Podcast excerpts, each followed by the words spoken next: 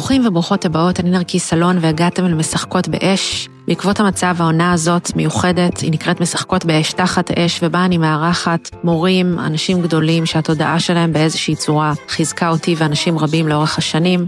אני מבואה אותם לפה כדי שאנחנו נוכל לצרוך תוכן אחר שהוא לא רק חדשותי, ולפתח חוסן בתקופה כזאת. מאחלת לכם האזנה נעימה.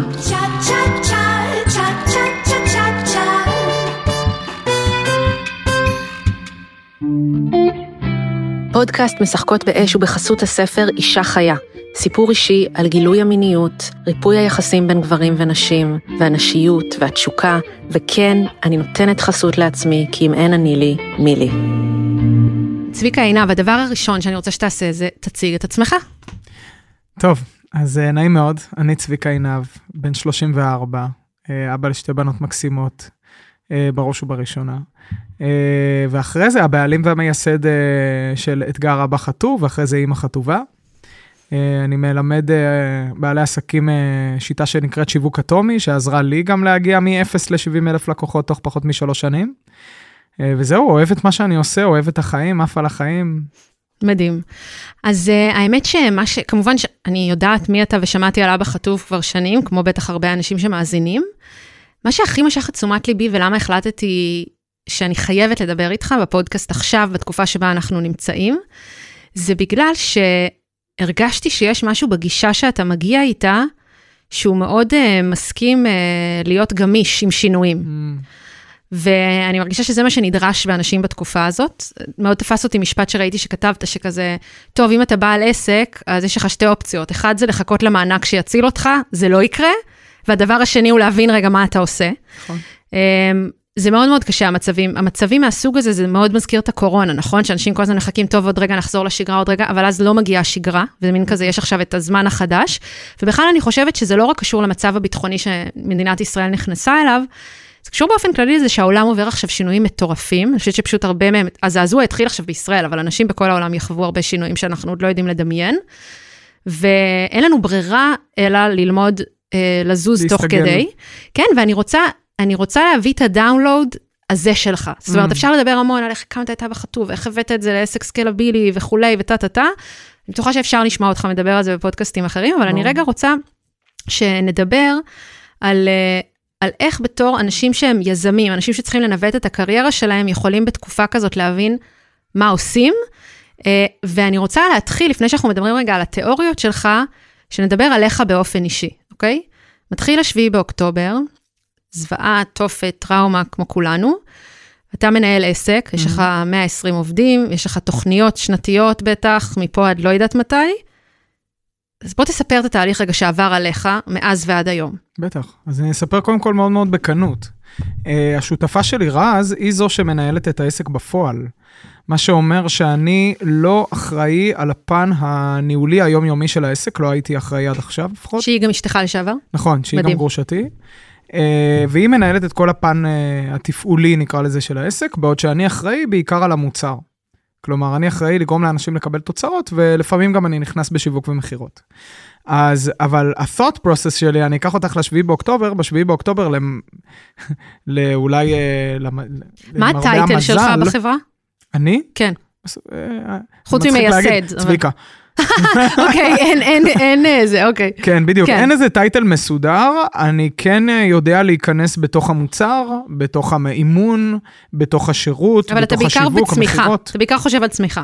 כן, לגמרי. Okay. אוקיי. או, או שיפור, שדרוג של תהליכים מסוימים. כלומר, mm-hmm. המטרה שלי זה שכמה שיותר אנשים יקבלו תוצאות mm-hmm. בעזרת השיטה הלפטינית, ולהיות מסוגל גם להפיץ את זה לכמה שיותר אנשים בצורה מאוד מאוד uh, נכונה ואותנטית. Mm-hmm. Uh, והאמת, אני חייב להגיד לך, אני מת על, על הזדמנויות כאלה. ואת יודעת, בדיוק uh, היום, אתמול, קרו דברים uh, נוראים נוספים בעזה. זה, נכון. ואני רק מצטמרר מזה שאני חושב על זה. ועם זאת, אנחנו כבעלי עסקים צריכים להסתכל על עצמנו כלידרים. וכדי להיות מנהיג בתקופות כאלה, וזה בדיוק מה שקרה עם הקורונה. הדבר הראשון שצריך לעשות זה להסתכל על הדברים כמו שהם, אבל לא יותר חמור ממה שהם. הרבה מאוד אנשים מסתכלים על זה ואומרים, אוקיי, עוד רגע אנחנו בגוג ומגוג. עוד רגע כל צבאות בעולם באים לפה.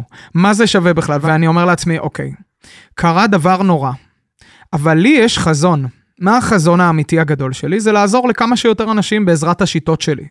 לעזור, אני, אני קורא לזה, החזון הגדול שלי זה לעזור לכמה שיותר אנשים להגיע לאנרגיית חיים מקסימלית, כדי שהם יצליחו להשיג את התוצאות ואת החלומות הכי פרועים שלהם. זה החזון המקצועי שלי, תמיד. ואני אומר, אוקיי, אם זה החזון המקצועי שלי, יש פה דברים נוראים שקרו, אבל אני כמנהיג או כמשפיען צריך להסתכל על זה ולהגיד, מה, איפה האנשים הכי זקוקים לי בשלב הזה? אז בשלב הזה אני מסתכל ואני אומר, אוקיי, השיח על אכילה רגשית עלה שלוש רמות למעלה. כי אם לפני uh, חצי שנה הייתי אומר לגבר אכילה רגשית, הוא היה אומר, טוב, מה הקשר ביני לבין זה? רוב הגברים. אבל היום, לכולנו ברור שיש כזה דבר אכילה רגשית. Uh, השיח על well-being באופן כללי, וחרדות וכל הדברים שהם קצת פחות uh, קשורים רק לדיאטה, גם עלה שלוש רמות למעלה. אז יש פה שתי הזדמנויות שהם נוצרו בגלל שהצרכים של השוק השתנו. Uh, וזה בדיוק מה שקרה עם הקורונה. אז ההסתכלות שלי, תמיד מה שאני עושה במצבים כאלה, אני לוקח שלושה צעדים אחורה, ואני גם אמרתי לעובדים שלי, חבר'ה, אני לתקופה מסוימת לוקח שני צעדים אחורה מהעסק. דווקא בתקופה הזו, כדי להיות מסוגל להסתכל על הכל בעשרת אלפים רגל. Uh, ואז כשהסתכלתי על, ה, על העסק והסתכלתי על, ה, על השוק הזה, פתאום הבנתי שיש פה הזדמנויות מטורפות. ואנחנו עכשיו רק בהתחלה של היישום שלהם, אבל מה אם באמת להבין שמה שקרה לנו כרגע הוא Game Changer בחיים שלנו, ואם אנחנו רוצים באמת להפוך את החיים שלנו למשהו טוב, אנחנו צריכים ליזום את ה game changers האלה. לא לחכות לשביעי באוקטובר שיעשה לנו את השינוי וישבור לנו את כל האמונות. אנחנו צריכים, אה, נקרא לזה, להביא את זה מבפנים. אז כרגע אני עובד על תוכנית שהיא תהיה ממוקדת באכילה רגשית בלבד. אה, ואז מתוך זה להביא את השיטה הלפטינית. כרגע, אחד מהדברים המרכזיים... אתה ממש יושב לכתוב את התוכן שלו עכשיו? בטח. אוקיי. אני יושב ביחד עם הצוות שלי, כן? Mm-hmm. שהוא... אני לא הייתי יכול בלעדיו בחיים. Mm-hmm. אבל אני זה שבסוף בפרונט ומצלם את הסרטונים והכל. ובנוסף לזה, אני אגיד לך עוד משהו. וזה מתקשר קצת למה שדיברנו קודם, אנחנו נדבר על זה שוב עכשיו. אני הגעתי למסקנה שהאותנטיות חייבת לעלות רמה. לאנשים אין כוח לפרסומות יותר, אין להם כוח לאנשים שנראים כמו מנטורים, שמדברים כמו מנטורים, הם רוצים לדעת מה הבן אדם אוכל לארוחת בוקר. מה קורה לצביקה שהוא נופל על פיצה ב-12 בלילה, אני רוצה לראות אותו. אל ת, תגיד לי שלושה טיפים ל... אנשים אין להם כוח לזה יותר. ולפני כמה שבועות אני לקחתי החלטה שאני חושב שהיא מתבקשת אצל הרבה מאוד בעלי עסקים, ובמיוחד אנשים שחושבים שהם משפיעים על הרבה אנשים משפיענים, זה להכניס מצלמה לכל אינטראקציה עסקית שאני נמצא בה. בין אם זה שיחת ייעוץ, בין אם זה יום צילומים, בין אם זה פגישה עם הצוות, כל דבר שאני נמצא בו אני מכניס מצלמה. עכשיו, מתוך זה קורים שני דברים. הדבר הראשון שקורה זה קודם כל מקיים ערך מאוד מאוד חשוב לאנשים היום, שהוא כנות. אה, אנחנו לא רוצים לראות אה, בעלי עסקים ש... שוב, באינסטגרם נראים מושלמים, ואז uh, ביום אחד מגלים איך החיים שלהם באמת. ולי, אחד מהדברים שלי עם הקהל שלי מאוד מאוד חשוב, זה לעשות step-up ב-2024, ברמת הכנות, ובאמת לחשוף את החיים שלי. את האתגרים, את הקשיים, את חוסר המוטיבציה, את המוטיבציה המדהימה, ש... הכל, אוקיי? את ה-ups and downs, זה אמיתיים. והדבר השני, כמובן, ברמה הפרקטית, זה פשוט ליצור תוכניות שהן באמת רלוונטיות להיום. אז אנחנו עושים uh, שיתוף פעולה שכרגע אני לא יכול לדבר עליו, uh, עם אחד מהמומחים uh, בעיניי בארץ, לכל הנושא של well-being רגשי ונפשי, בעזרת uh, כלים של uh, שיטה שנקראת ביו-פידבק. אוקיי, ואיך אנחנו עושים את זה באונליין לאנשים, יש היום טכנולוגיות מדהימות, כדי לגרום לבן אדם להיות מסוגל לעבור ממצב של התקף חרדה למצב של well-being ורוגע תוך שתי דקות, שלוש דקות ביום, ואשכרה לאמן את עצמו להיות מסוגל לצאת מה-fight or flight, מה שעושה אימפקט בריאותי אדיר. אז אני רואה במה שקורה כאן את ההזדמנות של החיים שלי, ובו זמנית לזה שאני מאוד מאוד כואב את מה שקורה, וכמו כולם. כן. וואי, זה קטע בגלל שאני בטוחה שיש אנשים שהם שומעים משפט כזה, וזה מעורר בהם ים התנגדות, ושקשה להם לשמוע שמישהו אומר שהוא רואה בזה הזדמנות, כי הם יגידו, מה, איך אתה יכול לחשוב על זה בכלל, וכולי וכולי וכולי. אני לא רואה בזה הזדמנות לקדם את הקריירה שלי ולעשות כמה שיותר כסף. לא, אתה רואה בזה הזדמנות לעשות השפעה. בדיוק. אני רואה בזה הזדמנות לתרום. כן. אני רואה בזה הזדמנות להשפיע.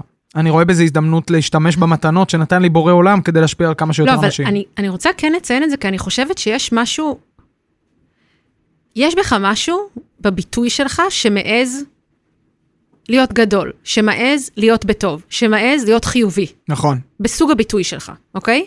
עכשיו, אני בטוחה שלאורך השנים גם פגשת לפעמים ציניות, לפעמים אנשים שזה לא בא להם בטוב לראות את זה. המון. וזה קורה לך, נכון? אתה, היית, אתה עדיין מקבל לפעמים תגובות כאלה? את יודעת, אני חושב שאחד מה... לפני התהליך של הגירושים, אה, הייתי בטוח שזה בגלל שחילקו לי כלבים, קלפים אה, ממש ממש טובים. כלומר, אני בן אדם חיובי, ואני רואה את האור בכל סיטואציה, לפעמים, כמובן שיש לי ימים כאלה וימים כאלה, כי חילקו לי קלפים טובים, ואני ילד רמת שרוני, ש... ילד שמנת, מה שנקרא. אחרי הרבה מאוד דברים שקרו בשנתיים האחרונות, בין אם זה גירושים, בין אם זה התרחקות מהבנות לתקופה, בין אם זה אה, נסיעות ארוכות, אה, אה, ups and downs מטורפים בעסק, אני באמת מתחיל להאמין שפשוט יש DNA של אנשים, שלא משנה מה קורה, רואים את זה כהזדמנות להתפתחות וצמיחה. אני גם רואה את הדאונסייד, אבל אני אומר, מה, מה האפשרויות שלי? או להיות בדאון ממה שקורה כרגע ולא להיות מסוגל להשפיע על אף אחד, כי נכון, אני לא פשוט מצליח להיות להשפיע על חסר עצמי. אונים ולקרוא את החדשות. בדיוק, ואז מה אני עושה? מה זה עוזר לא למדינת מרגיש טוב. ישראל גם? נכון. אני לא מרגיש טוב, והכי גרוע, אני לא מצליח להשפיע על אף אחד סביבי. ואני חושב שזה התכלית שלי, המקצועית לפחות. אז אני חייב לקחת את עצמי בידיים ולהבין מה, מה אני יכול לעשות טוב כאן. כן, מצליחה להבין אותי? ברור. כן. תגיד, אבל מה, עד כמה לדעתך זה נרכש, היכולת הזאת, של לבוא ולהסתכל על דברים ולראות בהם הזדמנות, ולהפוך להיות אקטיבי מפסיבי? כי זה גם איזשהו מקום מתחבר לחזון הגדול שאמרת של בול. המשימה שלך. אז הרבה פעמים זה באמת להזכיר לעצמך מאה פעם ביום את החזון הגדול. כי הרבה פעמים, נגיד החזון הגדול נמצא שני, שני מטר קדימה, ואני מתחיל ללכת בו, ואז באיזשהו שלב יש מחסום, אוקיי? והמחסום הזה יכול להיות אה, דפוסים שלי, יכול להיות שותפים עסקיים שאני לא, לא מסתדר איתם, יכול להיות לקוחות, יכול להיות עובדים, יכול להיות חיים. משהו מחסום. ואז מה שרוב האנשים עושים, הם או מסתובבים וחוזרים חזרה לנקודת ההתחלה, או, או שהם משנים את הכיוון שלהם בגלל המחסום. ואני הרבה פעמים כן משנה את הכיוון, מסתובב, אבל אני הרבה, מאוד מאוד מהר מתעשת, קופץ מעל המחסום וממשיך לייעוד, לחזון. וזה, אני לא יודע מאיפה זה הגיע, אני חושב שזה באמת מגיע מהבנה לאט-לאט, שבגלל, אני מאמין רוחנית שבגלל זה שמו אותי כאן. אני לא רוצה לאכזב את מי שברא אותי. ואני חושב שזה מגיע משם. ובמהלך השנתיים האחרונות, הי- היו לי התקפי חרדה, היו לי מצבים שבהם אמרתי, רגע, זה היפומניה, זה דיפרס, מה זה הדבר הזה? למה אני כל כך מופעל? ואיכשהו הכל בסוף הגיע למצב שהוא מחזק אותי. בגלל אנשים גם שמסביבי, והצוות המדהים שלנו שכל הזמן דואג להמשיך להאמין, גם בי, גם במשימה, וגם אנשים מסביבי שהם ברמה מנטלית מאוד מאוד גבוהה, ואנחנו ביחד מחזקים אחד את השנייה. איזה תרגול אתה עושה שהוא תרגול רוחני כזה, או פסיכולוגי, או משהו שבעצם אתה צורך? הרי אתה מייצר דברים כאלה לאחרים, אבל מאיפה אתה צורך בעצם? אה, אז קודם כל, אני פריק של טוני, טוני רובינס. כן. זה אה, המנטור שלי. אה, בשונה מהרבה מאוד אנשים, אין לי עליו אידיאליזציה. כלומר, אני יודע שמדובר בבן אדם, אני יודע שמדובר בבן אדם עם המון חסרונות, אבל אני חושב שהוא היה מסוגל, כל פעם שהחזון הגדול הגיע, ואז כל פעם שמחסום הגיע, פשוט לקפוץ מעליו ולקפוץ ולקפוץ ולקפוץ, הוא עשה את זה כל כך הרבה פעמים, שהוא הביא כל כך הרבה ערך לאנשים, שפשוט uh, באמת uh, פרס נובל לשלום מגיע לו. מחר אני מתחיל תוכנית שנקראת Business Mastery, חמישה ימים איתו גם. זה אה, באונליין? באונליין, כן. 12 שעות, מ-5 אחר הצהריים עד 7 בבוקר כל יום, עד ש-5, 7 וואו, בבוקר. בגלל שזה שעון ארצות הברית? נכון, מדהים. לגמרי. אז, אז באמת מטוני אני מקבל המון. Uh, אני חושב שאני משלב הרבה מאוד שיטות. יש לי פרוטוקול בוקר, uh, שתמיד מתחיל, uh, כמובן ממקלחת וכל הדברים האלה, ולאחר מכן אני כותב. אז אני, אני, כשאני כותב, אז אני כבר משתמש בכל הכלים שלי גם. אני עושה, נגיד, דיאלוג, אני והילד הפנימי שלי, צביקה, או שאני אני, אני כבר ממש מנתח את הרגשות שלי ואת המחשבות שלי בתוך הדפי בוקר האלה. אני כותב בדרך כלל שניים, שלושה עמודים, משהו כזה. לאחר מכן אני הולך לאיזושהי מדיטציה. זה יכול להיות priming של טוני, שזה מדיטציה מאוד מומלצת ביוטיוב, וזה יכול להיות פשוט מיינדפולנס. ואני חושב, אני חושב שאני חי בתרגול הזה. כאילו, כשמשהו קורה, אני מסתכל עליו בפריזמה של משהו שזה בא ללמד אותי, איזה רגש יש לי כאן, איך אני מתמודד עם המחשבות שלי, איך אני משנה לעצמי את ה state אם אני צריך, כלומר, זה תרגול שהוא ongoing. יש כבר. לך לפעמים גם אחד על אחד עם uh, מלווה, מטפל וכאלה, או שאתה יותר כזה בתהליכים הקבוצתיים ובתרגול הפרטי? ב... קודם כל, יש לי מטפלת רגשית מהממת, אה, שאני נפגש איתה פעם בשבוע, פעם בשבועיים. אה, ויש לי פשוט חברים טובים שהם מגיעים מעולמות הטיפול והאימון, שאנחנו, כשאנחנו נפגשים, אז זה, זה השיח. כן. כאילו, אנחנו אחד לשנייה קצת ואחד לשני, אז זה כאילו מאוד מאוד מיוחד בקטע הזה. אמ, וגם, שוב, נראה לי שזה התבגרות. כאילו, אני מרשה לעצמי לדבר הכי פתוח, עשיתי כבר את הכסף שלי. אה, כבר, כבר הוכחתי לעצמי שאני מצליח. עברתי את השלב של הלחץ על להוכיח את עצמי ועל וואטאבר. Uh, ומרגיש לי שהיום אני במקום של הרבה יותר התקרקעות, השתרשות, אני גם פחות מחפש טיולים בחו"ל ולחיות את ה... לחגוג את החיים בקטע הזה, אלא יותר לבנות משהו שהוא יותר ארוך טווח. נראה לי שזה פשוט התבגרות, הזדקנות, לא יודע מה זה. אז באמת, בוא נדבר רגע על כסף. כן. אז, אה, אז באמת, עשית כסף מהעסק שהקמת, mm-hmm. אבל מן הסתם יש לך עדיין אחריות לשלם משכורות לעובדים וכאלה, ולמרות שאתה לא המנכ"ל, אני מניחה שזה כן אחריות שבאיזשהו מקום מעסיקה אותך, אתה כן במספרים. נכון. אתה כן חלק מההחלטות על המספרים, אתה לא איזה בן, לא, אתה לא נראה לי כמו בן אדם שמעופף לך כזה, נראה לי אתה מאוד מחובר לאקסל. היום? כן. היום כן, פעם הייתי מאוד מעופף. כן, לא, אבל היום אתה חי את העסק, אתה כבר מבין מה המשמעות של כל דבר, וככה זה נשמע קצת מ... אז אז עדיין כסף מן הסתם משחק תפקיד, אפילו אם זה לא בשביל הכיס שלך, אלא זה בשביל הצמיחה של ה... הצמיחה, ההישרדות, ההמשכיות של הדבר שלקחת על עצמך. אמ, וברמה האישית, אתה אומר, שחררת את המקום של הרצון לייצר עוד? מה, עוד uh, הכנסה? כן. לא, ממש לא. עדיין יש לך רעב מסוים. יש לי רעב מאוד מאוד גדול, אבל הוא כבר לא רעב של lifestyle. Mm-hmm. הוא לא לקנות אוטו, לקנות בית, לקנות בגדים, ל-whatever. Uh, זה רעב של uh, מה, uh, מה אני יכול לעשות, מה אני יכול לעשות עם, ה, עם ההון שלי שיכול uh, לעשות שינוי. Mm-hmm. Uh, אחד מה, אני הייתי שחקן כדורסל. וואלה. כן, uh, בנערותי ובילדותי. ואחד מהדברים המדהימים ביותר שאני זוכר לעשות היום, אני זוכר להקים uh, סוג של מחלקות מצוינות. בתוך מחלקות uh, כדורסל בארץ. Uh, ממש, בין אם זה ליצור, של, ליצור לילדים חדר כושר, בין אם זה לה, להדביק uh, מאמן מנטלי לכל ילד מכיתה ו', לכל קבוצה. שזה חלק מאבא חתום? לא, זה חלק מהעשייה שלי. משהו בנוסף שאתה משהו עושה. משהו בנוסף, כן. כן. כן. Uh, זה דברים שמאוד מאוד מעניינים אותי, כאילו, איך אתה יוצר שינוי בעזרת ה... בעזרת הכסף שלך. כי באיזשהו שלב אתה כבר מגיע למצב שזה כבר פחות מעניין. אבל זאת פעילות עסקית או פעילות חברתית? לא, חברתית לחלוטין. אוקיי. Okay. כן, אה, ללא מטרות רווח. Mm-hmm. וזה דברים שמאוד מעניינים אותי, כי אני הייתי שחקן כדורסל שהיה חסר לו המון דברים, אה, גם ברמה המנטלית, גם ברמה הפיזיולוגית. Mm-hmm. אז כאילו זה, זה הרבה פעמים מה שמאוד מעניין אותי, וגם, אה, את יודעת, בסוף זה נהיה משחק, שהוא מאוד מעניין. כאילו, כמה באמת גדול אתה יכול להיות? מה, אני יכול להגיע למיליון יוזרים באבא חטוף בכל העולם? אני מאמין שהתשובה היא כן. היום אתם פועלים כבר באנגלית? עוד לא. אני ממש אה, בחודשים הקרובים הולך לצאת.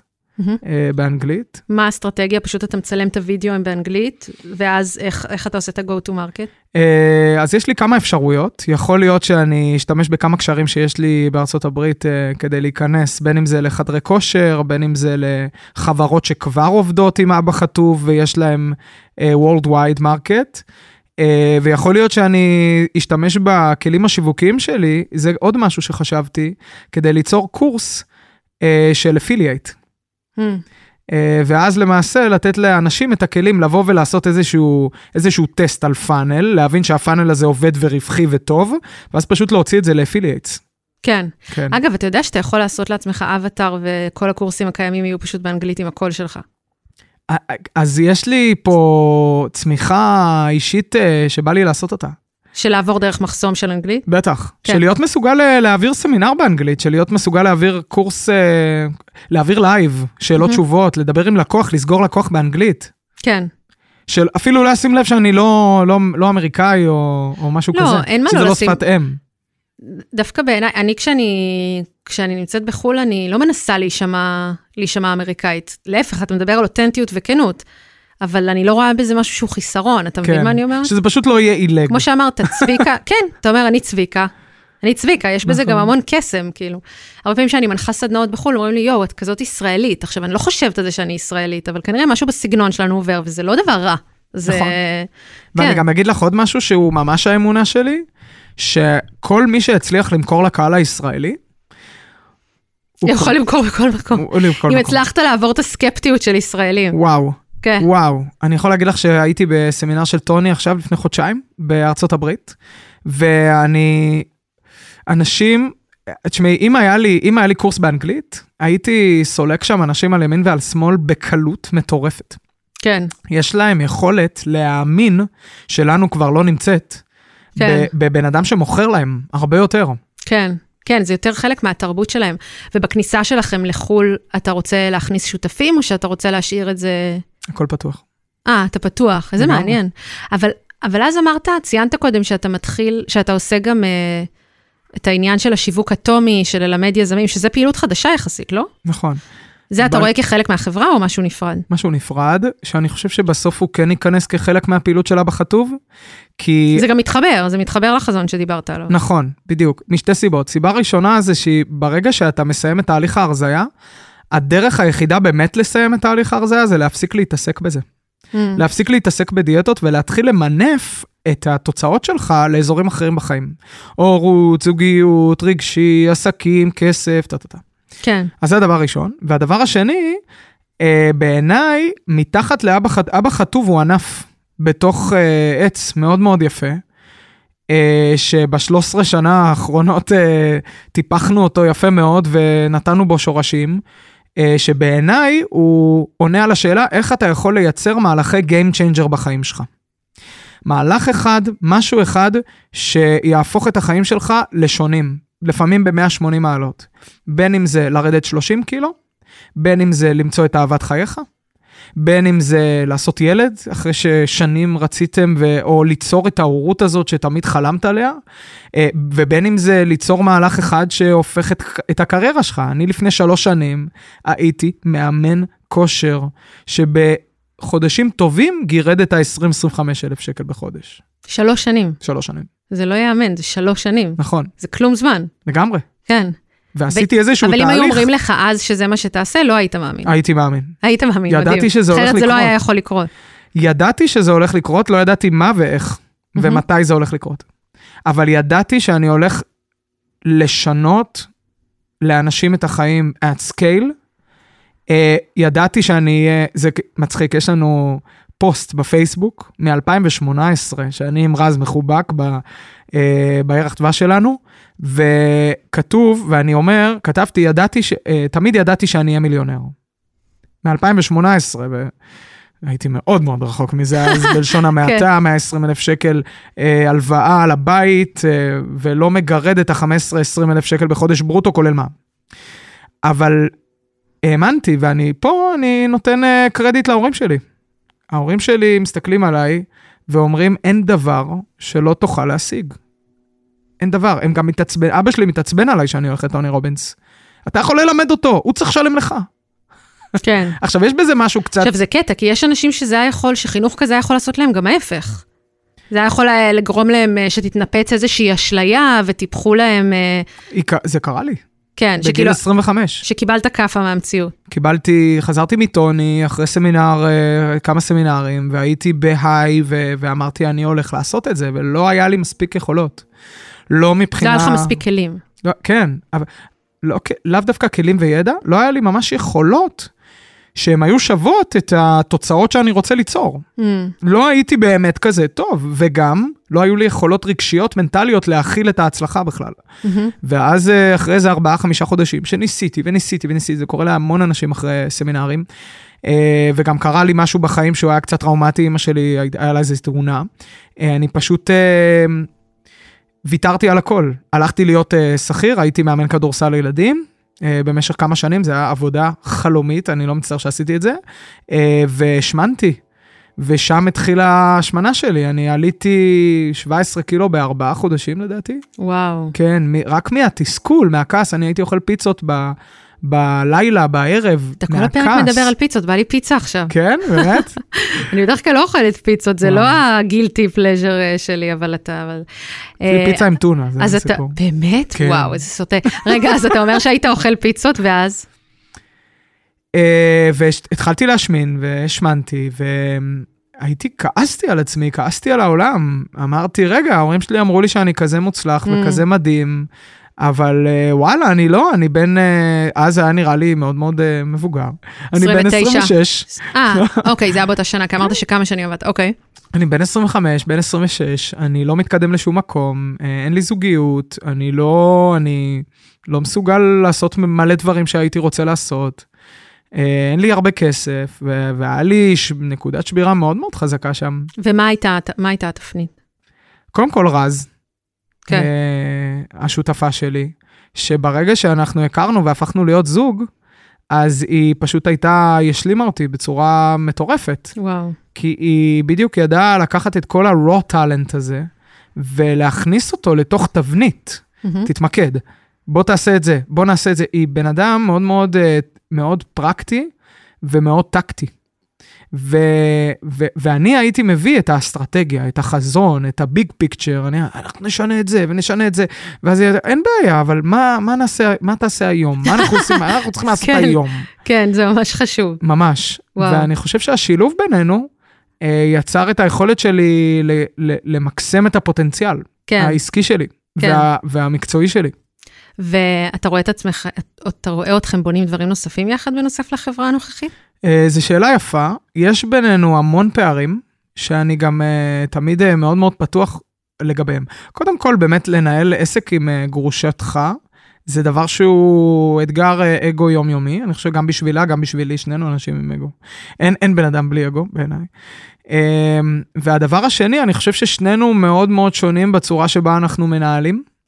אני חושב שמה שההבדל בין צביקה של בין שלוש שנים לבין צביקה של היום, זה שצביקה לפני שלוש שנים אמר, תן לי לעשות את האומנות שלי, עזבו אותי מכל השאר.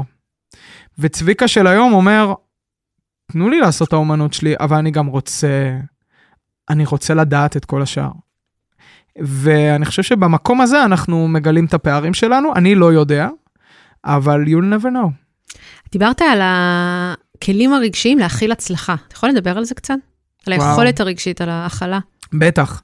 אז uh, אני קורא לזה חמישה חסמי ההצלחה או חסמי הפריצה. בש- בקורסים של השיווק אטומי, אנחנו נעבור עליהם ממש ממש מהר כדי שגם המאזינים יקבלו מלא ערך. אני רק אגיד שצביקה פתח את ההתחלה של הקורס הזה, שאנחנו נשים גם את הלינק בפרק, וזה המון שעות שכבר אפשר לקבל מהם המון המון ידע שקשור בלמכור דברים, להוציא את המסר שלכם החוצה, וזה סופר מעניין. בטח, בדיוק. זה כאילו אומר לבעלי עסקים, תשמעו, אתם לא צריכים לשלם על ידע ב-2024, בואו אני אפתח לכם את כל מה שאני יודע. ואגב, שבוע הבא, נגיד עוד שבועיים, אנחנו עושים אה, live על אה, דפי המרה, דפי הרשמה, אה, ועל copy בדפי כן, הרשמה בעיניך ועל אנשים כבר לא צריכים אסטרטגיה. לשלם על ידע יותר? לא צריכים לשלם על ידע. אז הם לא משלמים על ליווי. תהליך ליווי. זה, זה דבר שרובוטים עוד לא יודעים לעשות. נכון. תן להם שנתיים. אין בעיה. ואז אה, ואז יהיה יצטרכו לשלם. על משהו אחר. נכון. כאילו בתחושה שלי, הדבר היחיד שבסוף רובוטים לא ייקחו לנו, אפרופו, זה יכולות השפעה. איך אתה יודע, יכול להיות שאנחנו נהפוך לרובוטים, הכל יכול להיות. יכול להיות. כן. אבל כאילו מבחינתי היכולות האימוניות, הטיפוליות, זה משהו ש... שהוא תמיד יישאר. אינפלואנסרים תמיד יישארו. ואת יודעת מה? זה אפילו יהיה יותר חזק.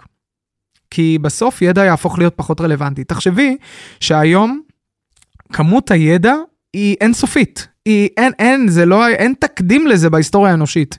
מהצד השני, השמנה עולה, סכרת, לחץ דם, מחלות לב. בדידות. דיכאון, כן. אנשים פחות עשירים ממה שהם היו פעם, כאילו מבחינת, במצב, נקרא לזה יותר בחובות, אוקיי? אוברדרפטים, הכל. אז כאילו, כמות הידע עולה, כמות התוצאות יורדת. מהמם. למה? אחד, קודם כל, כי אין לנו תהליכי ליווי שאנחנו בונים לעצמנו כדי להיות מסוגלים ליישם את הידע שאנחנו יודעים. זה הדבר הראשון. והדבר השני זה הכלים הרגשיים. שעכשיו נדבר על זה, אני רק רגע רוצה להגיד משהו אחד בקשר למה שאמרת, שאני כן חושבת שאנשים עדיין שמחים לשלם על אומנות ועל השראה. נכון. ואומנות והשראה זה לא בהכרח ליווי. זאת אומרת, זה עדיין יכול להיות שאתה, שאתה פשוט רוצה לראות את ההופעה הזאת, או אתה פשוט רוצה לשמוע איך המנהיג הזה מדבר, זאת אומרת, גם כשאתה הולך לטוני, אתה בעצם משלם על תדר. נכון. אתה לא בהכרח משלם על הטכניקות שהוא אומר לך, כי זה לא כל כך משמעותי ברוב נכון. המקרים, כמו שכאילו יש משהו בתדר הזה שמביא אותך מנקודה A לנקודה B. נכון. וזה- הוא מלווה אותך, זה, זה תהליך ליווי בעיניי, לא בדיוק. אפרופו. טוני, תחשוב, אתה הולך לשני, ליומיים, תהליך ליווי הוא משהו קצת יותר מתמשך בעיניי. אה, טוני זה תהליך משנה חיים בשלו, בארבעה ימים. זה תהליך משנה חיים, אבל בעיניי זה לא ליווי, זה תדר. יש חוויות Mm. מסוימות, זה כמו שבן אדם הולך לעשות פסיכדליה, אוקיי? למרות שאני לא בעד. אז. אבל- תשלום על חוויות. זה תשלום על חוויות וזה תשלום על תדר, אתה חווה איזושהי, אה, אה, זה כאילו מין קפיצה תודעתית, שהיא איזשהו רפרנס, שברגע שאתה נגעת בו פעם אחת, אתה יכול לקפוץ אליו, אתה יכול לבקר בו עוד פעם. אתה מבין מה אני אומרת? אני ממש אוהב את הדיוק הזה. כן. ותודה, אני גם אוסיף את זה זה לרשימת גם, אה, הדברים שאני חושב שצריך לשלם עליהם. כן, אגב, כי גם זה, אני נגיד, כאילו, כשאני מסתכלת על סוג הדברים שאני יוצרת, הם דברים כאלה. כאילו, ואני רואה שגם אני מוכנה לשלם על זה הרבה, ואני רואה שגם אנשים are going a long way to Yes. be part of that, אתה מבין מה אני אומרת? בטח, אה, אז זה אני- מעניין. ממש מעניין, ואולי אולי באמת ההגדרה שלנו לתהליך ליווי היא, כאילו מבחינתי, אני ב, בהופעה של חנן בן ארי, אני יכול, זה, זה, זה, זה תהליך, אני יכול לעבור תהליך מטורף. ברור, בדיוק. חד משמעית, אתה משתנה, אתה ממש. אתה ממש יכול להשתנות מה, מהדבר הזה. נכון. גם זה מדעי, אנחנו יודעים היום שבני אדם, כאילו, שאתה רואה משהו, יש תופעה של חיקוי. זאת אומרת, אנחנו יכולים, אנחנו הופכים להיות בסוף האנשים שסביבנו. ממש. אז אפילו מספיק שאתה משמיע לעצמך כל היום, נגיד, בן אדם מסוים, אפילו אם אתה לא הולך להופעה שלו או לקורס שלו, ומשהו במוח שלך משתנה ומתחבר למישהו ולמה שהוא מייצר. ממש מעניין. אמ, רגע, אז אני חוזרת. הכלים הרגשיים שקשורים להכלת הצלחה. כן, בטח. אז אה, קודם כל, זה היכולת שלך להבין שיש לך ערך. כי בלי זה אין שום סיכוי שתצליח. אה, כי אתה כל הזמן תהיה צעד קדימה, צעד אחורה. צביקה שלפני שש שנים, הוא היה עם המון המון, או חמש שנים, היה עם המון המון ידע, המון גם באיזשהו אופן רצון להצליח, אבל עם תחושת ערך מאוד מאוד קטנה. כי לא יודע, לא יודע אם אני מספיק טוב. ואז מה קורה? אנשים נתקעים בתוך לופ התלמיד האינסופי. אז זה הדבר הראשון. קודם כל לפתור את זה, ויש כלים כמובן לפתור את כל הדבר הזה. אה, אנחנו מלמדים ב, בכל התהליכים שאני מעביר, פרוטוקול שנקרא פרוטוקול זהב, שהוא למעשה פרוטוקול שלקחתי את כל הצעדים, כל הדברים שראיתי גם שטוני עושה ואנשים אחרים, וגם שיטה שנקראת focusing, התמקדות, והבאתי, שבטוח את מכירה, ועוד, ועוד הרבה שיטות, ולמעשה גיליתי שיש שלושה שלבים לשינוי, בין אם זה שינוי טקטיקה, ממש התנהגותי, או שינוי רגשי או מנטלי. השלב הראשון תמיד יהיה זיהוי של המצב הקיים, כי אם אתה לא... מה שנקרא, אם אתה לא מצליח לזהות מה אתה חושב, או איך אתה מרגיש, או מה אתה עושה, או מה הדפוס הזה, אז אתה לא תצליח לשנות כלום. הדבר השני זה לדעת איך להתערב בדפוס, כלומר, ממש לשנות את הדפוס. אני אומר לאנשים, סתם דוגמה, בא לך במבה בערב, תשנה שנייה את הסטייג' שלך, לך תתקלח. לך תדבר עם חבר, לך צא להליכה, ת, תשתף אותנו, תשתף בזמן אמת בקבוצת וואטסאפ. משהו שישנה לך שנייה את המצב הרגשי, המנטלי, כדי לערבל את העניינים, ואז ברגע שעשיתי זיהוי והתערבות מספיק פעמים, אז נוצרת לי בכלל האפשרות לבחירה חדשה. והרבה פעמים מה הבעיה של אנשים? זה שהם אומרים, וזה הכלי הרגשי הכי גרוע, זה שהם אומרים, יש לי מחשבה שלילית, או יש לי פחד מביקורת, ואז אני מנסה להכניס לעצמי מחשבה חיובית. אני מנסה להכניס לעצמי גישה חיובית, זה לא עובד. יש לך פחד מביקורת? תוציא תוכן בצורה, בסרגל מאמצים. תוציא תוכן בצורה מאוד מאוד הדרגתית, שאתה קצת פוחד שאנשים יבקרו אותך עליו, הם יבקרו אותך עליו. כשהם מבקרים אותך, שים לב שנייה מה קורה לך, בגוף, בלב, ב mind, בנפש, במחשבות. לאן זה לוקח אותך? רגע, אז אני לא אעשה שוב. היה לי כל מיני חוקים, נרקיס כאלה קטנים, מצחיקים. כמו אם מישהו היה כותב משהו בפייסבוק שהיה חוסם לי את הרצון להוציא עוד פוסט, הייתי, הייתי חוסם אותו. וואלה. תקשיבי, יש לי מאות חסומים וואלה. בפייסבוק, מאות. שמרתי על היצירה שלי, שמרתי על הזכות שלי ליצור. היום, אבל לפעמים יש משהו שגם נותן משהו מהאינטראקציה עם ביקורת, אתה לא חושב? לגמרי. פשוט, אני מצאתי לנכון שבפייסבוק הפרטי שלי, אני לא צריך, שוב, יש הבדל בין ביקורת עניינית נכון. לבין סתם להוריד בן אין אדם. ערך, כן, סתם. אה, מה אתה חושב שאתה, אתה אפילו לא תזונאי, כן, אוקיי? כן, צא לי מהפייסבוק. כן, אג- אגב, גם צא לי מהדפים העסקיים. כן. אין לי, אין לי שום בעיה. אני שומר לעצמי את הזכות לשמור על היכולת שלי ליצור, מהמם. אה, בקנאות. אז זה קודם כל חסם ערך, ואז השאלה איך אנחנו מתחילים לזהות מה קורה שם, להבין מה ההתערבות, איך אני מתערב. הרבה פעמים זה עצם הזיהוי, שאני מזהה, רגע, יש לי מחשבה שאני, שאין לי מה לתת. יש לי מחשבה שאני חסר ערך. עצם הזיהוי כבר מרחיקה אותי, כמו בגד לגוף מאשר אור, ש, שהוא אני, אוקיי? פתאום אני אומר, אה, יש לי מחשבה שאני חסר ערך. יש לי מחשבה שמה שאני נותן הוא לא מספיק טוב, הוא לא שווה כסף. Hmm, מעניין. ואז נשאלת השאלה, שזה עוד, אנחנו יכולים להיכנס לזה שעות, אבל אנחנו נעשה את זה בקצרה, אה, נשאלת השאלה, איך המחשבה הזאת אוהבת אותי באיזשהו אופן? Hmm. איך היא שומרת עליי? מה היא רוצה שאני כן אעשה? וזו שאלה מאוד מעניינת שזורקת אותנו לכיוונים אחרים לגמרי, כי במקום להתמק, להת, להתמקד ב, בהתנגדות שלי לזה שיש לי מחשבה עכשיו שלילית, אני מתמקד בזה של וואי, היא באה לשמור שאני לא יוציא מוצר שהוא, שאני לא שלם איתו. אז רגע, שנייה, איך, איזה טוויק אני עושה במוצר? אז זה לגבי ערך. אחרי זה אנחנו יכולים לדבר על חסם כסף, שלאנשים יש פחד מאוד מאוד גדול להרוויח הרבה כסף. למה? Uh, בישראל, ספציפית עכשיו נגיד הייתי במיאמי, אז שם יש כמות של uh, למבורגיני ומרצדסים, כמו כלום, כאילו שם זה קצת פחות. אגב, זה גם הרבה יותר זול שם. זה גם נכון, נכון, צריך לציין. שמה שקורה פה עם עולם הרכב הוא לא שפוי בגלל המיסים. וואי, ממש, ממש. כן, למבורגיני זה באמת שמור לאלפיון העליון. כן. Uh, ולמה למה לאנשים יש חסם להרוויח הרבה כסף? Uh, כי הם מפחדים שיבקרו אותם, כי הרבה נכסים, הרבה דאגות וכל מיני שטויות שלימדו אותנו. אני מכיר המון אנשים עם מעט מאוד כסף והרבה מאוד דאגות. ברור. Uh, ואני חושב שאף אחד גם לא לימד אותנו לנהל את הכסף שלנו, לנהל עושר, בעין. לא, וגם להרוויח הרבה כסף, תחשוב שחלק מזה, חלק מהדרך הזאת כרוך בלהגיד, הנה מה שאני עושה, תשלמו לי על זה. ורק הדבר הזה, שיכול להיות שנראה לך מאוד אלמנטרי, הוא פעולה שהיא כמעט לא אפשרית להמון אנשים. אז אני עכשיו הבנתי, כשאת מדברת, אני עכשיו הבנתי מה ההבדל. הם לא משלמים לי. מה זאת אומרת? אה, יש הפרדה מוחלטת ביני לבין המוצר שאני מוכר. Mm, זה לא, זה אומנם יצירה שעברה דרכי, זה אומנם יצירה, זה אומנם נכון, מוצר שאני בניתי. אני מניחה שיש הרבה אנשים שאפילו לא יודעים מי אתה, וכולם יודעים מי זה אבא חטוב. נכון. כן.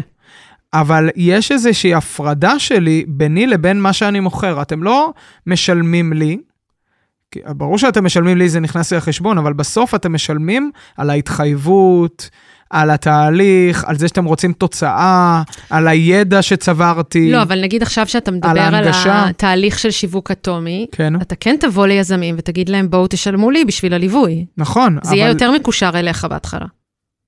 נכון, אבל שם עדיין אני, מסת... אני כאילו מסתכל בהפרדה מסוימת, אני חושב שזה ה-attach, dis-attach שיש Mm. לי, ממני, אני והעסק. אני זה לא העסק.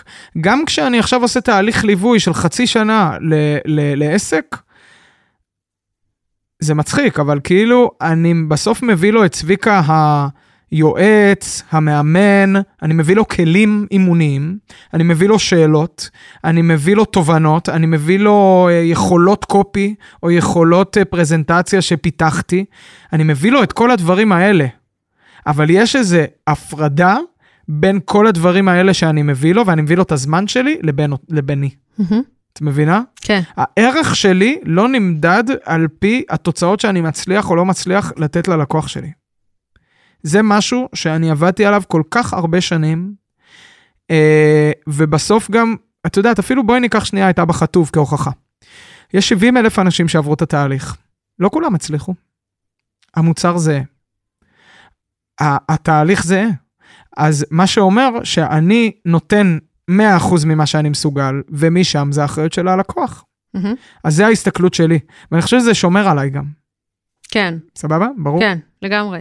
זה מעניין ש... גם זה מסקרן הקטע ש... זאת אומרת, לקחת על עצמך משימה שיש עוד כל כך הרבה לעשות ב- בעולם וכולי, וגם בישראל, ועדיין אתה בא וממשיך לפתח כיוונים נוספים, נגיד ללכת ולעשות עכשיו באמת את העניין הזה עם יזמים וזה, זה... כן, זה אולי יתחבר בהמשך, אבל זה עוד כיוון, ואז איך אתה יודע שיהיה לך מספיק זמן לעשות את הדברים? איך אתה לא מפחד שזה כאילו לפצל את עצמך יותר מדי? וואו. אה, להגיד את התשובה האמיתית שלי? ברור. אני מאמין שאני מונחה.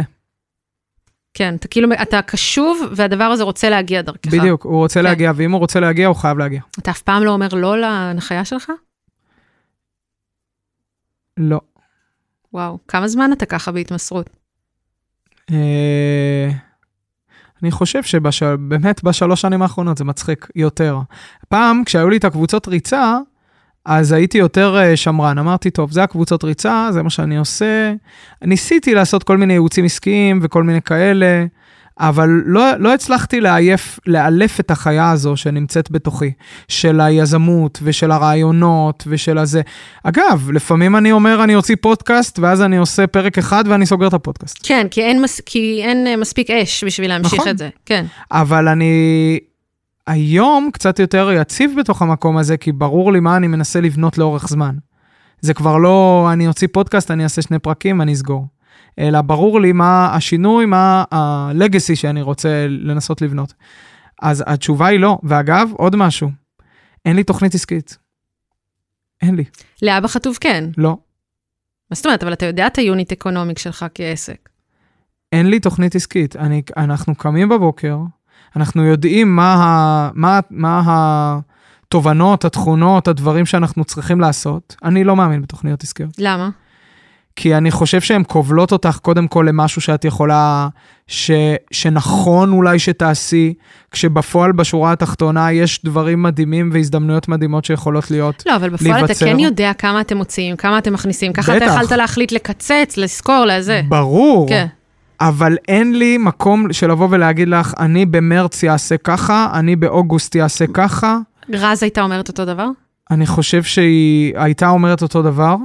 יכול להיות שהיום יש לה צורך יותר בתוכנית עסקית, וזה בסדר, אני פשוט לא מאמין בזה. אני חושב שהמקום הנכון זה להבין מה ה-game changers השנתיים שלך, זה אני יודע, בוודאות. אה, כשאתה אומר Game Changers, למה אתה מתכוון למשל? מהלכים משני מומנטום, מהלכים שהם הם לא קטנים, זה לא להגדיל שאת זה אתה כן ב-20%, מחליט 30%. בתחילת השנה או משהו. כן. כן. אני מחליט, אני יודע מה החזון הגדול שלי, בוודאות, שזה דיברנו קודם. אני יודע מה ה-game changers שלי לשנה הקרובה, ומשם אני פשוט מתמקד בדבר אחד כל פעם, מתמסר, עובר, מתמסר, עובר. ואז כשעולה לך נגיד עוד רעיון כזה, שאתה לא יודע אם הוא יתחבר בהמשך או לא, אבל אתה מרגיש, וואי, זה מההנחיה. הדבר הראשון שאתה עושה, זה למצוא מישהו שיעזור לך בזה, או פשוט מתחיל? פעם פשוט מתחיל, היום משתף את כולם, אה, מבין את כל המשמעויות הטכנולוגיות, העסקיות, הכל, ואז אה, מתחיל אה, לרוץ. כן. אבל אז ביום-יום, כמה מהזמן שלך אתה בעסק, וכמה מהזמן אתה בדברים חדשים?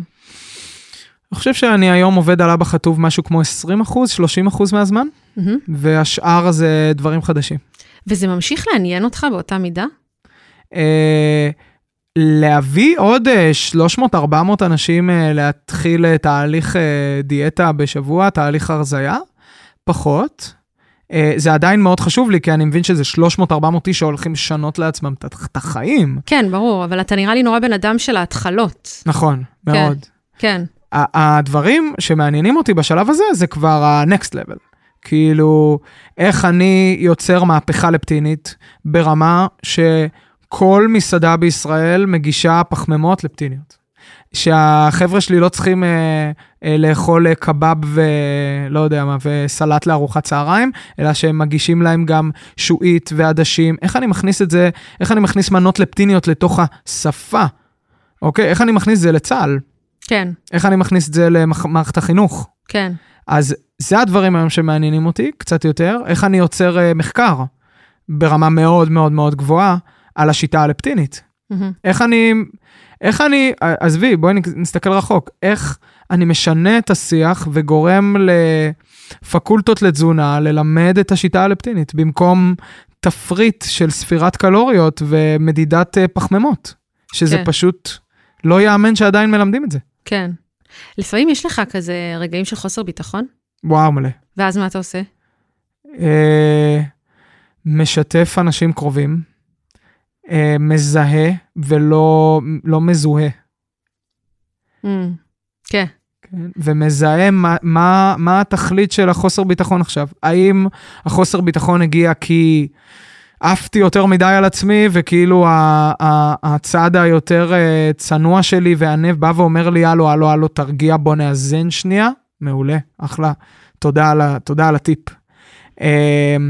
האם זה בגלל שדחפתי, דחפתי, דחפתי, פשוט נגמרה לי האנרגיה הנפשית והפיזית, ואני צריך שנייה לדאוג לעצמי ברמה הפיזית אפילו, ולנוח ולישון? אה, כאילו, אני, אני מסתכל על זה בתור מסר, לא בתור אה, אני לא צריך לעשות את זה נכון, תמיד ידעתי שאני... ואני חושב שהיום, כאילו, גם יש לי את הגושפנקה לעצמי על זה של כאילו, ראית מה קרה עם כל החוסר ביטחון שלך? כל החיים היה לך חוסר ביטחון, כל החיים היה לך חרדה כלכלית, אבל בשורה התחתונה, הצלחת, ויש לך כסף, ואתה סבבה. אז תתקדם, אחי. כן. והכלה, כל הזמן של מלא אנשים קרובים, רחוקים. מה זאת אומרת, שיתוף. הכלה? אה, פשוט... אה, הכלה, להיות, להיות באמת כנה. לא לבוא ולהגיד, אני, לא יודע מה, תמיד שמח ותמיד אה, עם ביטחון. זה כל הזמן להתנות את עצמך גם, לא להסתכל על המחסום, להסתכל על הייעוד. לא, ולהבין שגם הייעוד הוא לא, it's not about me. וואו, כמה פעמים אני אומר את זה ביום לעצמי. מהמם. זה לא about you. צא מהתחת שלך. איך אתה מאזן את כל הרעיונות שלך והתשוקה וזה עם החיים האישיים שלך? וואו. עם הרצון שלך, אני לא יודעת אם אתה בזוגיות או לא בזוגיות, אבל אה, לפנות זמן לזה, למשפחה, דברים כאלה. אה, אני עוד לומד. אה, אני חושב שהקללה והברכה זה שבאמת בורא עולם נתן לי כל כך הרבה יכולות מקצועיות, מגוונות, ויכולות להשפיע על אנשים, שזה פשוט כל כך ממכר, שלפעמים אני נשאב לזה הרבה. אה, אני חושב שהיום, יותר מתמיד, אני מבין שזה לא, זה, אני, אין לי פריבילגיה. אני לא יכול להישאב לעבוד 16 שעות ביום, גם לא 12. Uh, אני חייב לטפח זוגיות שהיא תהיה אטומית, הורות שהיא תהיה אטומית, גוף שיהיה אטומי, תחביבים, טיולים. אין לי, אין, לי, אין לי פריבילגיה, יש אנשים שיכולים לעבוד 12 שעות ביום, לבוא, להיות בבית, להיות עם הילדים, קצת ללכת לישון. אני לא יכול. ואני לומד עוד את הדבר הזה, אין לי תשובה מוגברת. מהמם. אבל התובנה שירדה בחצי שנה האחרונה, זה שאם אני רוצה להישאר פה לאורך זמן ולא להיות מנטור שבא לשנה-שנתיים ואז אה, הולך אה, להיות אה, מפעיל בימי הולדת, אה, לא יודע מה, אני חייב ללמוד לאזן. ויש לי זוגיות מהממת עם אישה מהממת, שהיא מאמנת מנטלית בעצמה, שאני לא חושב שהייתי מדבר ככה בלעדיה, וזה, היא, היא השמש שלי, מהמם. ממש. איזה יפה. אמ, וואי, יש לי מלא שאלות לשאול אותך, אבל אני רוצה לקחת את זה רגע למטה, עם א', אמ, שאתה מסתכל על השינויים שקורים עכשיו בעולם, השינויים שקורים באיך שאנשים צורכים תוכן, באיך שאנשים עוברים תהליכים, בכלכלה, גם המשברים והדברים המאתגרים, מה אתה חושב שחשוב שבעלי עסקים ואנשים עצמאיים ישימו לב אל- אליהם? לאן, לאן כדאי שהם יכוונו את עצמם? בראש ובראשונה, להבין שגם אם אני מצוין במה שאני עושה, אם אני לא מבין שיווק, פסיכולוגי, לא צריך את הטקטיקה. לא צריך לדעת איך להעלות סטורי שיביא עשרת אלפים צפיות, whatever. אבל להבין את הפסיכולוגיה השיווקית, פסיכולוגיה של מכירה, פסיכולוגיה של תהליך שכנוע, אה, להכשיר את עצמם ליצור מוצר משנה חיים, להבין איך המוצר שלהם, גם אם הוא הופעה או אומנות או משהו כזה, לא תהליך הרזייה, איך אני עדיין קושר אליו את הערכים? איך אני יוצר אה, אה, חברה שמונעת מתוך ערכים וחזון ותרבות ארגונית? איך אני מניע עובד למוטיבציה? ההכשרה. זה לא מספיק להיות רק מאמן כושר טוב, או מטפלת טובה, או... זה, זה לא מספיק. אני צריך להיות, כולנו, כדי להצליח, צריכים להיות לידרים. אז זה הדבר הראשון. הכשרה, להכשיר, להבין שזה חלק מהעבודה שלי. במיוחד, במיוחד ביכולות השפעה ואימון, שזה בעיניי הפרטו. אה, ולעבור לשיווק שהוא הרבה יותר שעון על מי שאתה באמת, ולהעז להקצין את מי שאתה באמת, וללכת על זה all in. למה אני מתכוון? בטיקטוק יש איזה אחת שהתחלנו להסתכל עליה, אני וחבר רועי, אה, רועי בן יוסף כנף, מפתח שיטת כנות, אני כל הזמן מזכיר אותו כי הוא, הוא זה שהשלים לי את כל החינוך השיווקי הישן שלי, ויצר את האטומיות הזאת. אמ, כשאתה אומר אטומיות, אתה מתכוון אקספוננציאליות כזאת, נכון? אטום מבחינתי זה משהו מאוד מאוד קטן, ממש ברמת האטום, כמה מרכיבים שיוצרים איזה פיצוץ שהוא הרבה יותר גדול ממה שיכלת mm. לדמיין. וואו. אוקיי? כן. כאילו, אחד ועוד אחד שווה מיליון. כן. אז אמרת שיש מישהי בטיקטוק שהתחלתם להסתכל? יש מישהי בטיקטוק שמה שהיא עושה, היא פשוט יושבת ומאפרת את עצמה תוך כדי שהיא מדברת על החיים ומשתפת מה היה לה היום. או מישהי שפשוט אוכלת מול המצלמה את השווארמה שלה ומסבירה איך היא שמה את השומן מעל הזה. זה, דר... למה זה עובד? ופתאום, אה, לפני כמה ימים היה לנו שיחה, ופתאום היה לי תובנה בגודל של הראש שלי, שהבנתי למה הטיקטוק הזה הוא השיווק החדש. כי אנשים רוצים לראות את האישיות מאחורי התדמית. ובאמת את האישיות, בין אם זה אני, אז מצד אחד יש לי את השאפתן, היזם, שרוצה להצליח ורוצה לשנות את העולם, מצד שני אני ילד בן 12, שרוצה לשחק כדורסל, ואני רוצה ליהנות. ואם הדברים האלה לא, לא יתחברו ביחד ב-100%, אני לא אתמיד. אז זה חייב להיות fun וכיף וחווייתי ורגשי ווואו, וזה חייב להיות מוצלח ומטורף וסקיילבילי וטירוף. זה, זה צביקה. Mm-hmm. ואני חושב שהבעלי עסקים היום, או היזמים, או אנשים שרואים עצמם כמנהיגים, חייבים לעבור איזשהו תהליך כדי להבין מה הייחודיות שלהם באיך שהם מסתכלים על העולם. ובתכונות שלהם, גם התכונות הפחות טובות, גם התכונות שהם קצת מסתכלים על עצמם בבושה. ולהעז, להחצין את זה ולהביא את זה לעולם קדימה.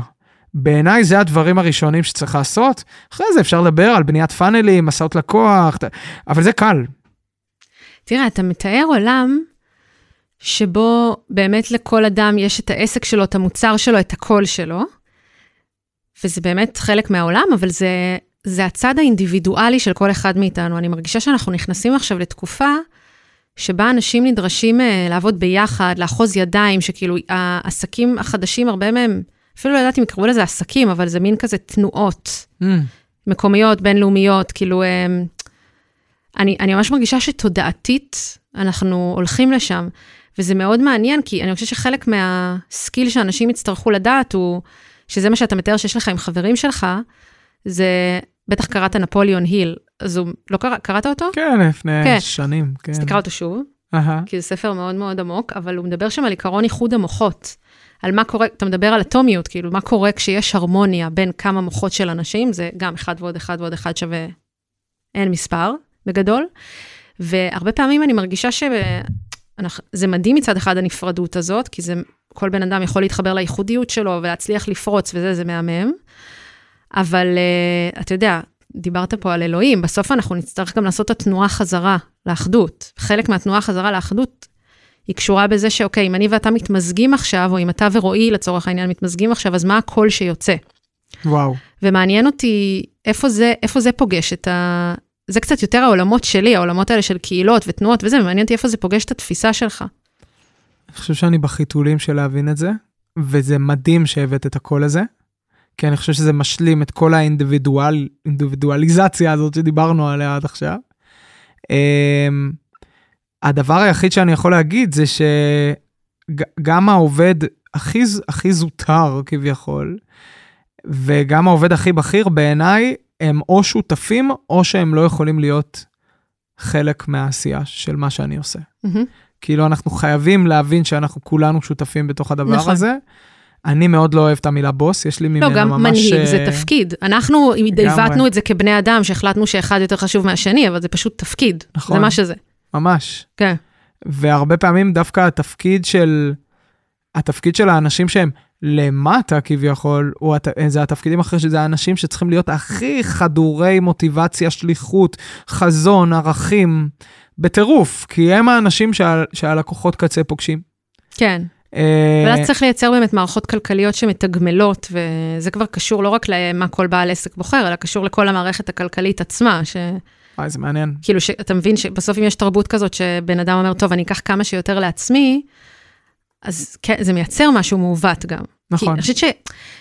כאילו, אחד החסמים שלי יש עם כסף, מצד אחד, לא חסר לי, לעולם לא היה חסר לי. ומצד שני, אני יודעת לייצר כסף, בדברים שאני עושה אני תמיד מייצרת כסף, ותמיד יש לי את כל מה שאני צריכה בשביל לחיות אה, חיים מקסימים. אבל אף פעם לא עשיתי קפיצה של לייצר ממש מיליונים על מיליונים, כי גם, זה מצחיק, אני אדבר בכנות שלך, כאילו, תמיד התקרת זכוכית שלי, ואפילו לא רציתי לשבור אותה, כזה תקרת זכוכית שיכלתי להכיל, זה בדברים של ה-one אה, woman show, לעשות מיליון וחצי בשנה. שיש בזה, כי זה mm. מקסים, אבל זה, זה לא הולך לכיוון של עכשיו לייצר עסק, של לעשות מיליונים וטה טה טה טה טה. זה מה שיכלתי להכיל, ואני חושבת שבמקומות שבהם יכלתי לעשות את הקפיצה הזאת, יש לי איזשהו uh, חסם שם שאומר, רגע, אולי, אולי זה לא חשוב, אולי זה לא חשוב שאני אתעסק ב... בלעשות את הסקייל הזה שיהפוך את מה שאני עושה לעשרות מיליונים, למרות שאני מבינה שזה מדהים וזה אימפקט וטה טה טה. ויש שם משהו ש... שנתקע לי, כי, כי אני לא שלמה עד הסוף עם איך שהמערכת הכלכלית היום עובדת. Mm, הבנתי אותך. כאילו... כן, אני שומע, אני שומע את זה. אני, עכשיו, אני לא בקטע של יפה, יפת נפש או משהו כזה, אבל יש לי שם, עכשיו, ואני מרגישה גם, יותר מזה אני אגיד, ואני גם אשלים את מה שאתה אומר על ה... אתה דיברת קצת קודם על אנחנו צריכים לבנות את מה שיהיה פה. אני חושבת שאנחנו צריכים לייצר אלטרנטיבות mm. ל... לאיך נראות שותפויות, לאיך נראית מערכת כלכלית שהיא מסתכלת על אנשים שונה, כמו שבא בן אדם שאף אחד לא יודע מי הוא עד היום, או קבוצת אנשים, ויצר את הביטקוין לצורך העניין. עכשיו, עכשיו אף אחד לא יודע מי זה, mm. יש כל מיני תיאוריות וכאלה. עכשיו, אמ, זה לא שהביטקוין הוא איזה פתרון אוטופי, הוא לא, אבל הוא בא ושינה את העיקרון של ריכוזיות של מערכת כלכלית, וזה פותח עולם שאנחנו לא מצליחים לדמיין אותו עדיין. עכשיו, יש מצב שאני אקחת אותנו רגע רחוק, אבל יש מצב שאנחנו נלך לעולם עוד כמה שנים, או עוד עשר שנים, עשרים שנה, שפתאום תהיה אנרגיה חופשית. זה ישנה לך את כל העולם, זה ישנה את כל המערכות הכלכליות, כאילו פתאום... פתאום מאבק על משאבים יהיה דבר לא רלוונטי, אתה מבין? Mm-hmm. זה, זה mm-hmm. דבר ש... עכשיו, אמ, אני חושבת שאנחנו צריכים להיות פתוחים גם ל... לשינויים מסיביים, כי אם אנחנו לא נהיה פתוחים לזה, אז אנחנו, אנחנו יוצרים עוד מאותו דבר. אתה מבין מה אני אומרת? בטח, בטח. ואז זה כאילו הולך לכיוון של תחרות, ואנחנו רוצים להגיע למצב שאנחנו מעבר לתחרות. שאנחנו בכלל לא משחקים את משחק התחרות, כמו שפיטר טייל אומר, שכאילו, אתה רוצה לעבור מ... אתה רוצה בכלל לא להיות במשחק הזה, זה כאילו אין מתחרים, כי אתה מביא משהו שהוא... זה פשוט משהו שרוצה להגיע וצריך להגיע, זה בכלל לא משחק עכשיו בקטגוריה, כאילו של... אה, אני חושב שאנחנו מדברים בדיוק על אותו דבר, את פשוט מהצד שלך, מהצד השני, וזה כל כך יפה, כי זה באמת בדיוק ה... הנקודת האמצע. אה, אנחנו, אולי אחד המסרים המרכזיים מתוך הפרק הזה, זה שאנחנו חייבים uh, לאמן את עצמנו להיות מוכנים לכל שינוי שיקרה. נכון. וכדי לעשות את זה, אנחנו צריכים רגע אחד לתקופה מסוימת או לזמן מסוים ביומן, להכשיר את עצמנו. כאילו במקום להתמקד בלעבוד על מטרות חיצוניות, לעבוד להרוויח כסף כשעוד פתאום עשר שנים, פתאום הכל ישתנה, אלא לעבוד על עצמנו, על הסקילס שלנו. על היכולת שלי לתקשר, על היכולת שלי לא להיכנס ללחץ, שכל החיים, כל, כל החיים, כל מה שידעתי קורס. כן. מה יקרה? כאילו, כל כך מעניין אותי המונח שנקרא החוסן האמיתי, של באמת לא משנה מה קורה, אני יודע שאני מסוגל להסתגל. כן, ומקסימום מתים, גם זה בסדר. בטח. כי זה כן, כאילו הכי גרוע, נכון? לגמרי. כן. וגם, אני לא מאמין, אני מאמין שהמוות זה לא הסוף. אז כן, כאילו כן, מקסימום ממשיכים את המסע, עוברים לדבר הבא. כן. אז כאילו, אני חושב שאנחנו קיבלנו פה כאפה מצלצלת לפרצוף בשביעי באוקטובר. בעלי העסקים, אם הם ימשיכו להתחנן למענקים ולהמשיך את חוסר המוטיבציה הכרוני שקורה כרגע, אנחנו פשוט כולנו נקרוס. נכון. זה ממש מסכן את המדינה. ממש. הדבר החשוב ביותר בעיניי כרגע זה לקחת אחריות על המצב הרגשי הפנימי, כל אחד של עצמו, עם כלים, עם אה, אנשים שיעזרו לך לעשות את זה, עם אנשים בסביבה הקרובה שלך. אה, זה הזמן אה, לטפל בעצמנו, זה הזמן ללכת לטיפול, זה הזמן להתחיל לעשות ספורט. לא, ויש אשמת ניצולים קולקטיבית כזאת, נכון? בטח. אז כאילו, להבין שבסוף, אם אנחנו כולנו נקרוס עכשיו ביחד, הם ניצחו. נכון. ובתוך המקום הזה, את מביאה את הצד החברתי, אני מביא את הצד האינדיבידואלי של תכשיר את עצמך, תחזק את עצמך, קח את הדבר הזה ותהפוך את עצמך לעוד יותר בלתי שביר. שלא משנה מה יקרה לך. אני אגיד לך את האמת, בפן הקפיטליסטי, בסדר, אני אדבר כי זה, זה השיח שלי כרגע, עד שיהיה שינוי מהותי. כן. אבל אבא חטוב היום, אם הוא נסגר, ואני אומר את זה באהבה גדולה, יש לי צער מאוד גדול בלב, אין לי שבב של חרדה. כלום. שום דבר. ותחשבי איזה חופשי זה לדעת שלא משנה מה, את יכולה לייצר. נכון. כאילו, אגב, גם אם אבא כתוב נסגר וגם אם אני מפסיד את כל הכסף שלי, אני יודע שאני יכול לייצר, אני יודע שאני יכול לתת ערך. אני יודע שלא משנה מה יהיו החוקים של המשחק, אני אלמד אותם ואני אצליח להבין איך אני מנצח. ואני חושב שזה הדבר הראשון שאנחנו צריכים לעשות. ואת מביאה את זה מהפן החברתי, זה כל כך יפה, אני מביא את זה כאילו מהפן של האינדיבידואל, ביחד זה משלים את כל העוגה הזאת. מהמם. טוב, צביקה, היינו יכולים להמשיך לנצח, לנצח, אבל זה נראה לי מקום נורא, מאוד מאוד טוב לסיים. אה, תודה. ממש ממש אה, משמעותי וחשוב מה שאתה אומר, ואנחנו נשים לינק אה, למקומות השונים שבהם אפשר אה, לפגוש אותך ואת המתנות שאתה מייצר. וזהו. מהמם. תודה רבה על ההזדמנות. תודה שהייתם איתנו. אם השיחה הזאת תמכה בכם באיזושהי צורה, אני מעודדת אתכם לשתף את זה לפחות עם בן אדם אחד, זה ממש משמעותי בתקופה כזאת לצרוך תוכן שהוא מרים. אתם מוזמנים להצטרף אלינו לקבוצת הפייסבוק שלנו, משחקות באש, שם ממשיך הדיון, ומאחלת לכם כוחות בתקופה כזאת. צ'אט צ'אט